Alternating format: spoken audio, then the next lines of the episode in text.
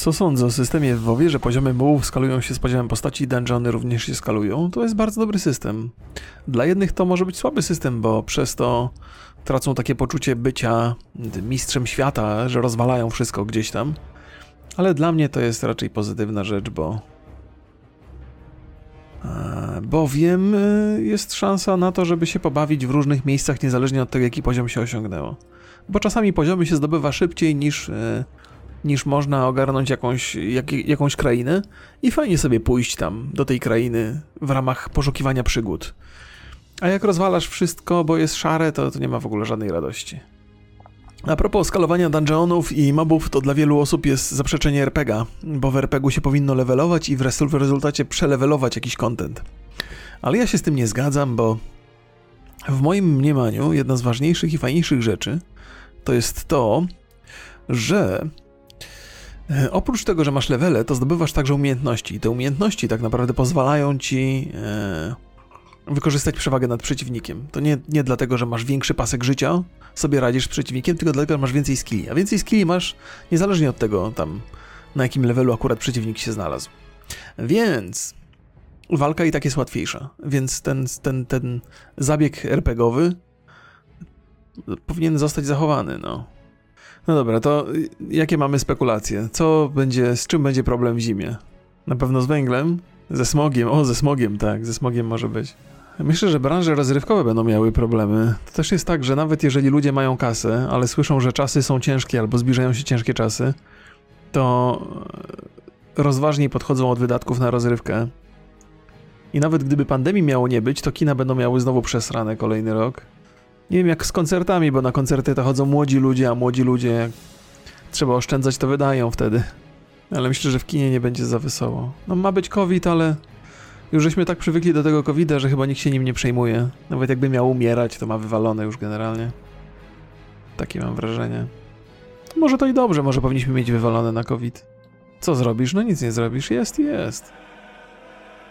Tak, dostanę 3000 na węgiel, to wiem, wiem, wiem. Przeznaczę na wódkę.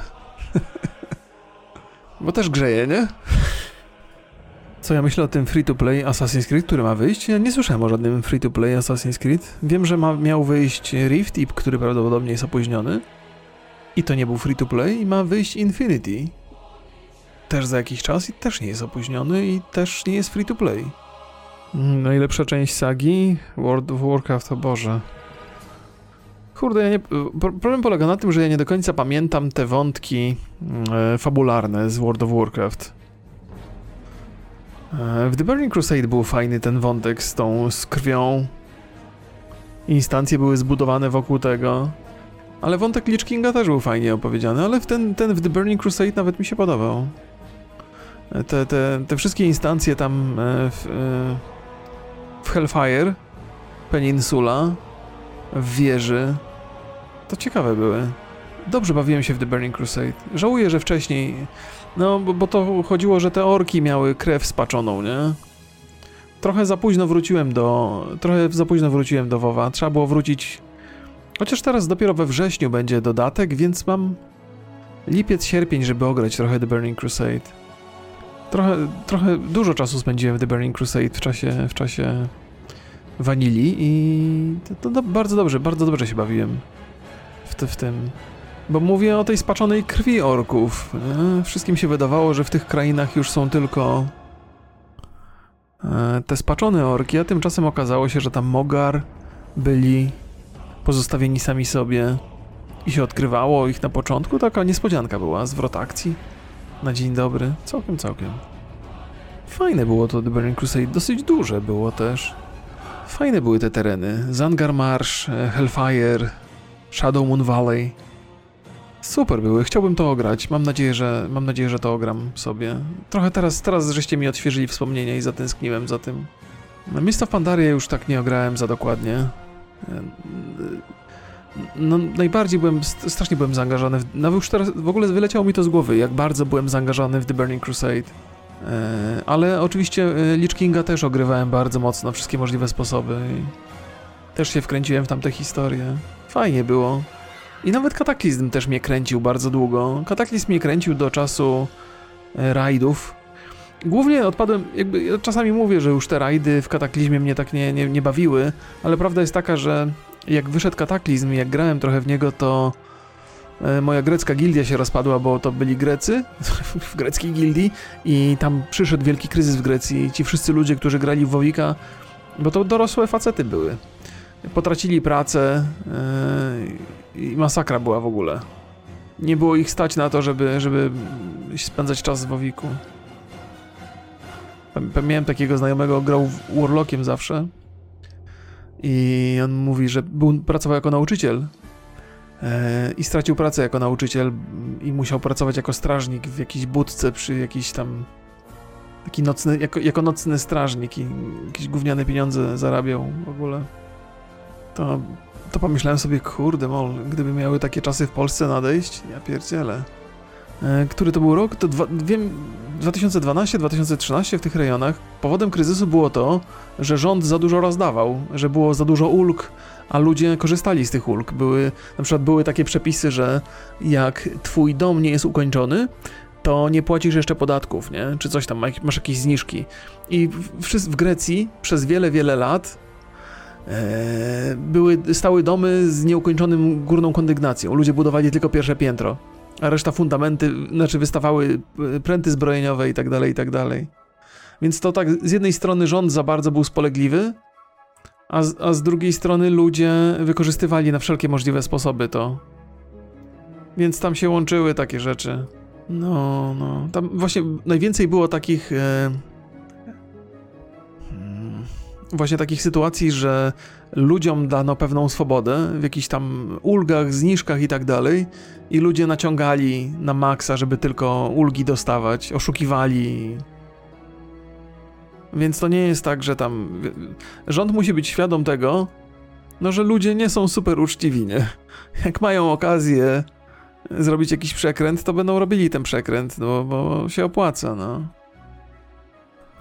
Więc no nie, nie, wiadomo, że nie wypada traktować e, obywateli jako potencjalnych złodziei, ale jak się da kurwa okazję, żeby e, wstawić sobie wstawić sobie e, kratkę w samochodzie osobowym, to nagle każdy samochód osobowy staje się firmowym samochodem ciężarowym. Bo tacy są ludzie po prostu, no. I tak, e, i, a w Grecji była cała masa tego typu przepisów. I, i to, był, to był jeden z powodów e, katastrofy, nie? Nikt tego nie kontrolował, no, wszystko. No to z tą kratką to u nas było, nie? No ale mówię, że, że w Grecji była cała masa takich przepisów, które polegały na tym, że skorzysta... jakby w teorii mieli korzystać z nich tylko ci, którzy naprawdę potrzebowali, a w praktyce korzystali wszyscy. Naciągali te przepisy po to, żeby móc, móc je wykorzystać. No tak, a faktycznie Grecja była bardzo, bardzo bogatym krajem. Mieli, mieli dużo, bardzo dobrze rozwijającą się gospodarkę. Nie wiem, czy do tej, nie wiem, czy udało im się cokolwiek e, odratować. Nie wiem, jaka sytuacja jest teraz, ale... No, no właśnie. Grecję doprowadził, doprowadziło e, do katastrofy brak reform i niska skuteczność ściągania podatków. Przez lata była ona także krajem z szeregiem prawno-podatkowych absurdów i morzem przywilejów dla pracowników budżetówki. Tego, ile to kosztuje grecką gospodarkę, nikt nie kontrolował. No, tam no, było, było sporo nadużyć, no i było właśnie takich głupotek, idiotyzmów, abs absurdów. To tyle pamiętam z opowieści moich znajomych Greków, nie? No ale to było lata temu, no zakładam, że trochę się odkopali. To jest też tak, że... Hmm, no, zawsze trochę winni są ludzie. Uwierzyli politykom, którzy, którzy o Jezu, no, żeby nie zahaczać o polskie klimaty, bo zaraz będzie, że ja tutaj o polityką się zabawiam, ale Politycy to, to tak jak rodzice, nie? A nie są od tego, żeby ich lubić, tylko są od tego, żeby o nas dbali, nawet jak nam się to nie podoba. A nasi współcześni politycy to dbają przede wszystkim o reputację, taką, żeby żeby się nie narazić wyborcom, żeby im zrobić dobrze, żeby nie było problemów. A że perspektywicznie to może przynosić fatalne skutki, to już właściwie nikt się tym nie przejmuje. Znaczy, być może się przejmują, ale nic z tym nie robią. No.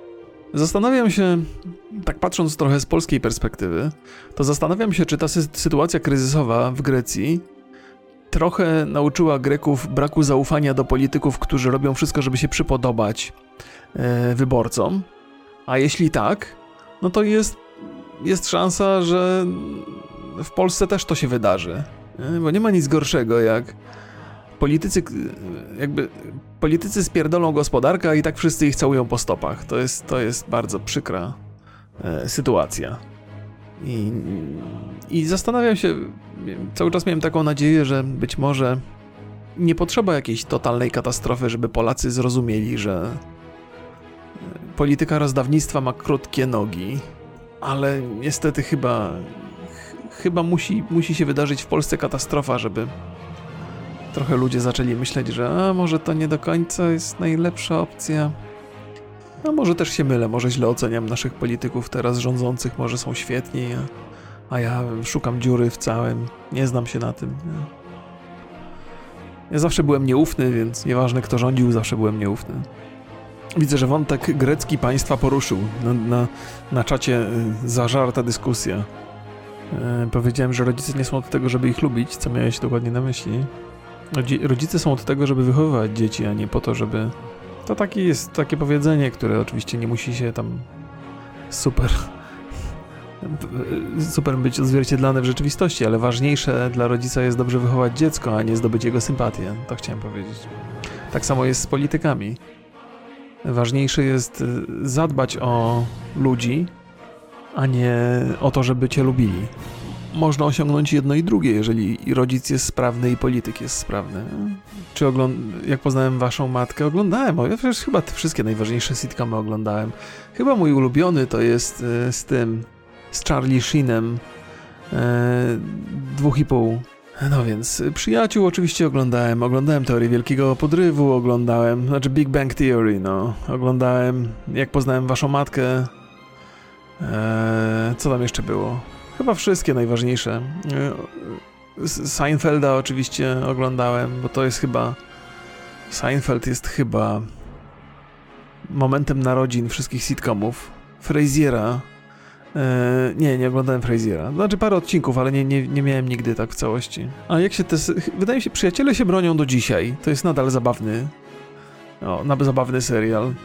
Teoria Wielkiego Podrywu też chyba się broni nadal dobrze się to ogląda. Seinfeld też jest dobry, chociaż młode pokolenie chyba Seinfelda dzisiaj nie, nie kuma, ale, ale uważam, że jest dobre. Sitcomy są trochę ponadczasowe, co jest zaskakujące. Większość filmów potrafi się zestarzeć.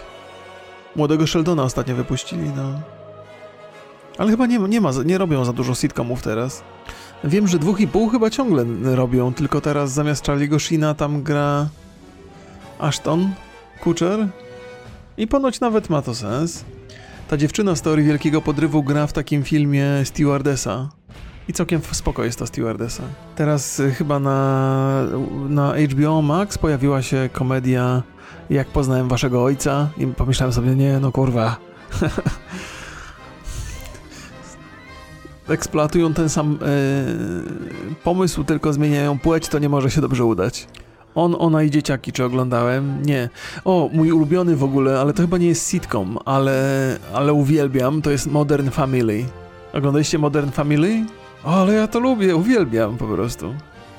Oglądałem Banshee, ale to nie jest sitcom, come on. Yy, Masz oglądałem, tak. Ale Masz oglądałem tak odcinek po odcinku, bo kiedyś chyba w czwartki w telewizji polskiej leciał. Współczesna rodzina to się nazywa, tak, tak po polsku. Modern Family jest genialne po prostu. E, modern to sitcom, ale chyba nie wiem czy, bo w, sitcomach są te puszki ze śmiechem, a chyba w Modern Family nie ma. To jest bardziej taki, taki paradokument, tak, tak zrobione jest trochę jak paradokument.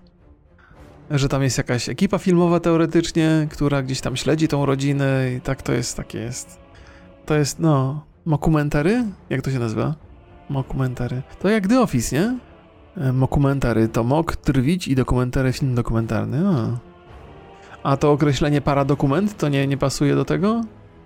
Chociaż może nie, bo paradokument to może oznaczać, że nie ma tam chyba tej części satyrycznej. Ja podejrzewam, że lody na pateku były, były pełne tych seksizmów, które tak dzisiaj są e, napiętnowane mocno, ale nie pamiętam dokładnie. Co sądzę o tym, że gracze mają dostęp do Alfy WoWa? Nie wiem, to chyba nowość, bo do tej pory do Alfy niewiele osób miało dostęp. Mm. Nie wiem, może Blizzard liczy na feedback, albo udają, że czekają na feedback.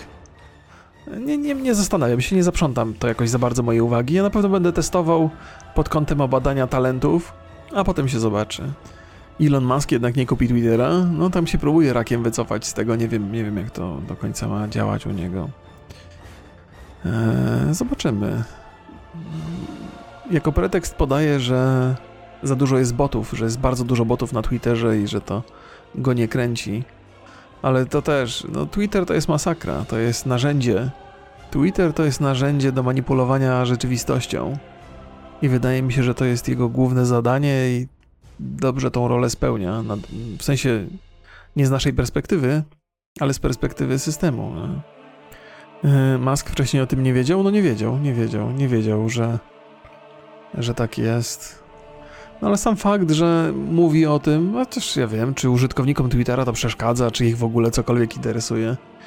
Większość ludzi, którzy funkcjonują na Twitterze, to funkcjonują nie po to, żeby się czegoś dowiedzieć, tylko po to, żeby coś powiedzieć. To jest tak, jak idziecie na imprezę rodzinną i ludzi gówno interesuje wasza historia, oni są tylko zainteresowani opowiedzeniem własnej. No nie wiem, może impreza rodzinna. Czasami, może impreza rodzinna to źle powiedziałem, bo ja mam akurat dobre doświadczenia z imprez rodzinnych. Ale czasami jesteście na spotkaniu z ludźmi i nikogo nie interesują wasze historie, jedyne co ludzie chcą to powiedzieć własne. Żeby mieć tubę do opowiadania własnych historii, chcą słyszeć swój własny głos i taki jest Twitter. Więc ludziom, którzy chcą tam coś wyrzucić z siebie, to ich tam myślicie interesuje, czy tam są boty, czy są nie boty. Po prostu mają tubę do wygłaszania myśli.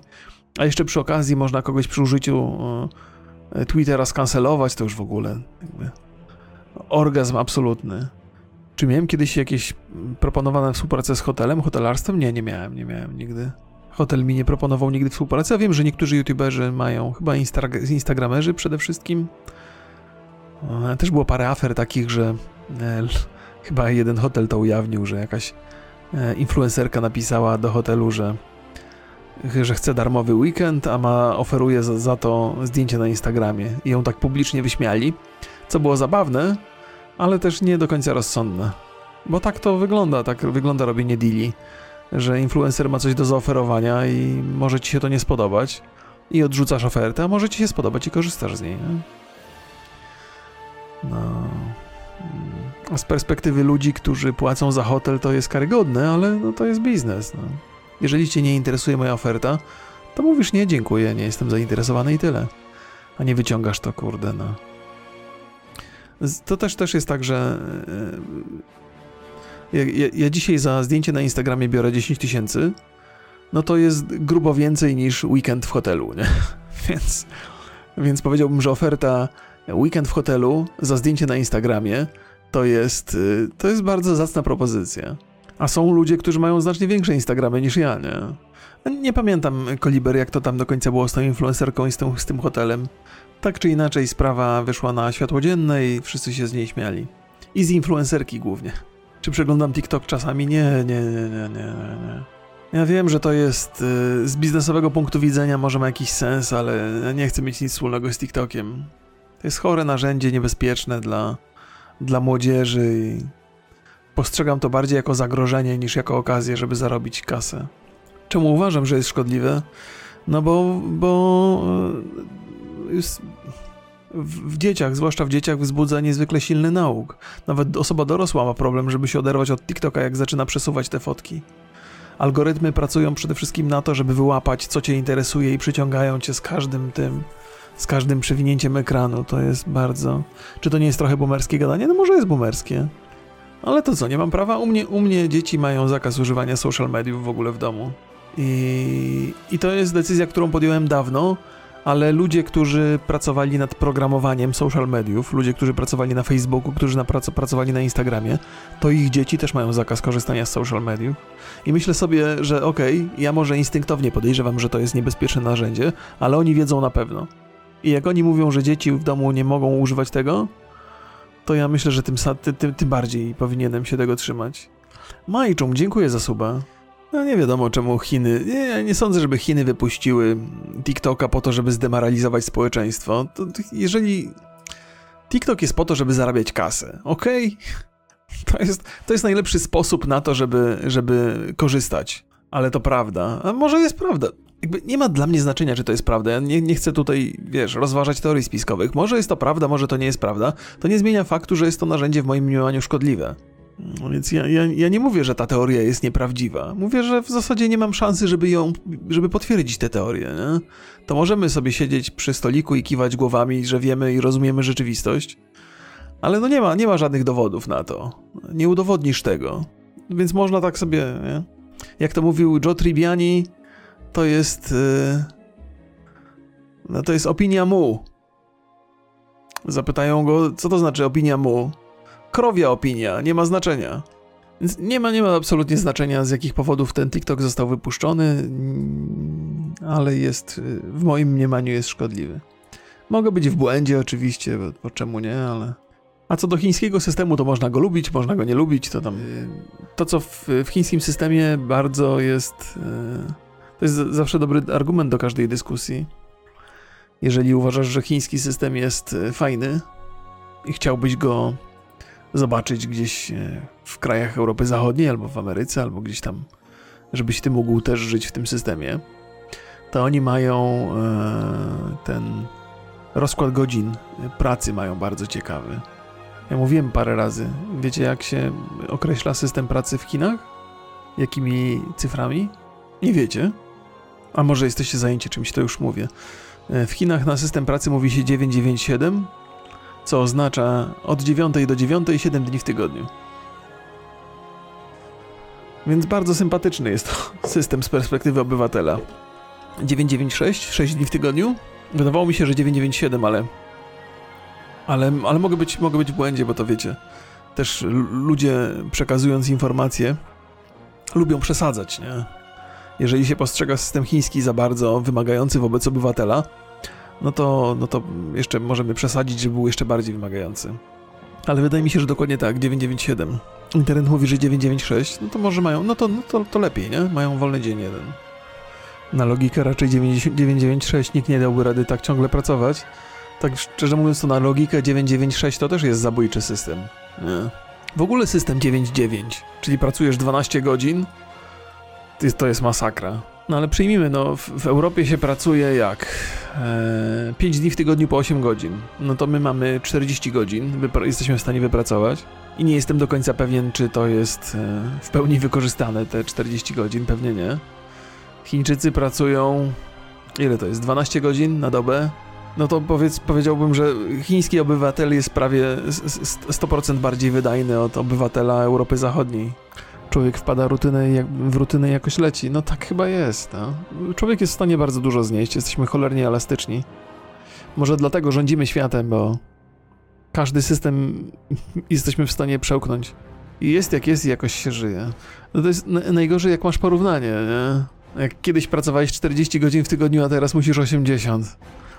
No to nagle mówisz, o, nie do końca mi to pasuje. Ale jak rodzisz się w systemie, w którym wszyscy, w którym wszyscy pracują 80 godzin, wchodzisz w ten system, robisz to samo co wszyscy, to nawet nie dostrzegasz mm, tego jako problem albo coś wyjątkowego. Problemem jest koncepcja szczęścia. Ludziom nagle przyszło do głowy, że mają prawo być szczęśliwi. A tak naprawdę jesteśmy tu po to, żeby się rozmnażać, pracować i umrzeć. I tyle. Taka jest nasza rola. No teraz nagle wszyscy chcą być szczęśliwi i jest problem.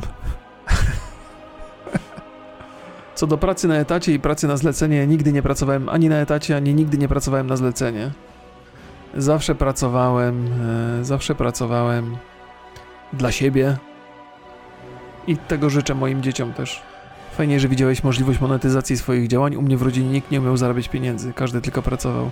No to też jest taka, to jest chyba coś, co e, jeżeli masz w otoczeniu ludzi, którzy rozumieją, że pracując dla siebie, można najlepiej się ustawić, to też bierzesz z nich przykład i wierzysz w to. Jakby sa sama wiara w to, że można żyć w określony sposób, ukierunkowuje nas trochę. Natomiast jeżeli żyjemy w środowisku, gdzie ludzie tylko pracują dla kogoś, i to jest oczywiście jak najbardziej, to też jest jakby, każda, żadna praca nie hańbi, to nie o to chodzi, ale nie uczysz się, że masz inne, inne możliwości. To też jest tak jak e, bardzo zdarza się, że w tym środowisku takim gwiazdorskim, trochę filmowym, aktorów, czy tam ludzi z takich pierwszych stron gazet, że często ci ludzie znają się od dawna, ze szkół, że to jest takie środowisko, które funkcjonowało razem w bardzo podobnych warunkach i ich wizja na to, co można w życiu osiągnąć, była bardzo podobna. Ponadprzeciętna w porównaniu do tego, co ja na przykład poznałem albo, albo inni ludzie. Ja nigdy nie, nie, nie żyłem w takim przeświadczeniu, że a, mogę być gwiazdorem filmowym albo, albo znaną osobą z e, tam znanym dziennikarzem czy coś, bo nie miałem w otoczeniu nikogo takiego. To się wydawało nieosiągalne. Jeżeli masz w otoczeniu ludzi, którzy osiągają rzeczy nietypowe, to, to w zasadzie dla ciebie te nietypowe rzeczy nie są, przestają być nietypowe. Stają się, wydają się być w zasięgu ręki. Wiesz, co robić, żeby to osiągnąć i tyle. Nic nie jest niemożliwe, więc no, warto być w otoczeniu ludzi, którzy, którzy mają różne zainteresowania. Czy ma dla nas znaczenie, czy ktoś słucha na YouTubie, czy na, na Spotify'u? Na YouTubie zarabiamy, na Spotify'u nie. W sensie takim, że każda odsłona na YouTubie jest tam jakoś spieniężana. Więc jeżeli tobie to nie ma, to... Ale to nie ma dużego znaczenia. Tak mówię ci tylko informacyjnie, ale, ale nie ma to znaczenia dużego. No, słuchaj sobie tam, gdzie ci jest wygodniej. Zawsze w ramach wsparcia możesz kupić suba u mnie i u Borysa na Twitchu. Jak wyjdzie The Last of Us remake, to na pewno e, trochę pogram w to. Może zrobię ze 2-3 odcinki. Łatwiej jest odkryć podcasty na Spotify. Żeśmy rozmawiali o tym ostatnio w QA. E, nie, niekoniecznie jest to prawda. To znaczy, na YouTubie masz tak, że możesz sobie e, podczepić się pod jakiś gorący temat, nie? Na przykład jest wojna na Ukrainie i ty nagrywasz cztery podcasty o wojnie na Ukrainie i algorytm to wyłapuje i cię podrzuca różnym ludziom. Więc YouTube'a można, e, można wykorzystać algorytmy YouTube'a, żeby dotrzeć do ludzi, a na Spotify'u nie dotrzesz do ludzi, bo tam nie ma żadnych takich, e, wiesz, algorytmów, które cię wypozycjonują lepiej czy coś. No, nie, nie, mówię, że to koniecznie trzeba to robić akurat, zwłaszcza w związku z Ukrainą. My żeśmy tego nie robili, ale no jest to jakaś tam jest, jakiś, jest, to, jest to jakiś sposób, o. Grałem, czy Warriorem grałem, każdą klasą grałem to. Ale pamiętam, że jak pierwszy raz levelowałem e, Roga w, e, w The Burning Crusade, to trochę to trwało. I też to były też takie czasy. Ja wiem, że każdy pamięta to inaczej. Ale wiem, że to były takie czasy, że trochę się po, podziwiało ludzi, którzy wylewali Roga. Wylewelowali Roga, bo taki był powolny, był powolny. Długo, długo trwało zabijanie. No też jest cały czas w WoWie i wielokrotnie to powtarzałem, pokutował ten problem, że gra w ogromnym stopniu skupiała się na PvP i wszelki balans był pod PvP robiony. Jak ktoś był za mocny w PvP, to dostawał e, nerfa i ten nerf potem psuł zabawę w PvE. I takie, nie, nie jestem fanem tego. Jakby rozumiem, że to też zabawa, zdobywasz gear, jesteś lepszy w PvP, idziesz, ciśniesz ale chyba w PvP byłem zawsze fanem e, dopasow- jakby wyrównywania statystyk. Żeby wszyscy działali na tych samych zasadach, żeby było super sprawiedliwie, albo żeby w ogóle nie było sprawiedliwie. W sensie takim, że. Mm, no to też o tym opowiadałem, to już nie chcę się, nie chcę w to wchodzić. Ale wolałem takie rozwiązania, że, że Gir jest e, zrównywany do tego samego poziomu.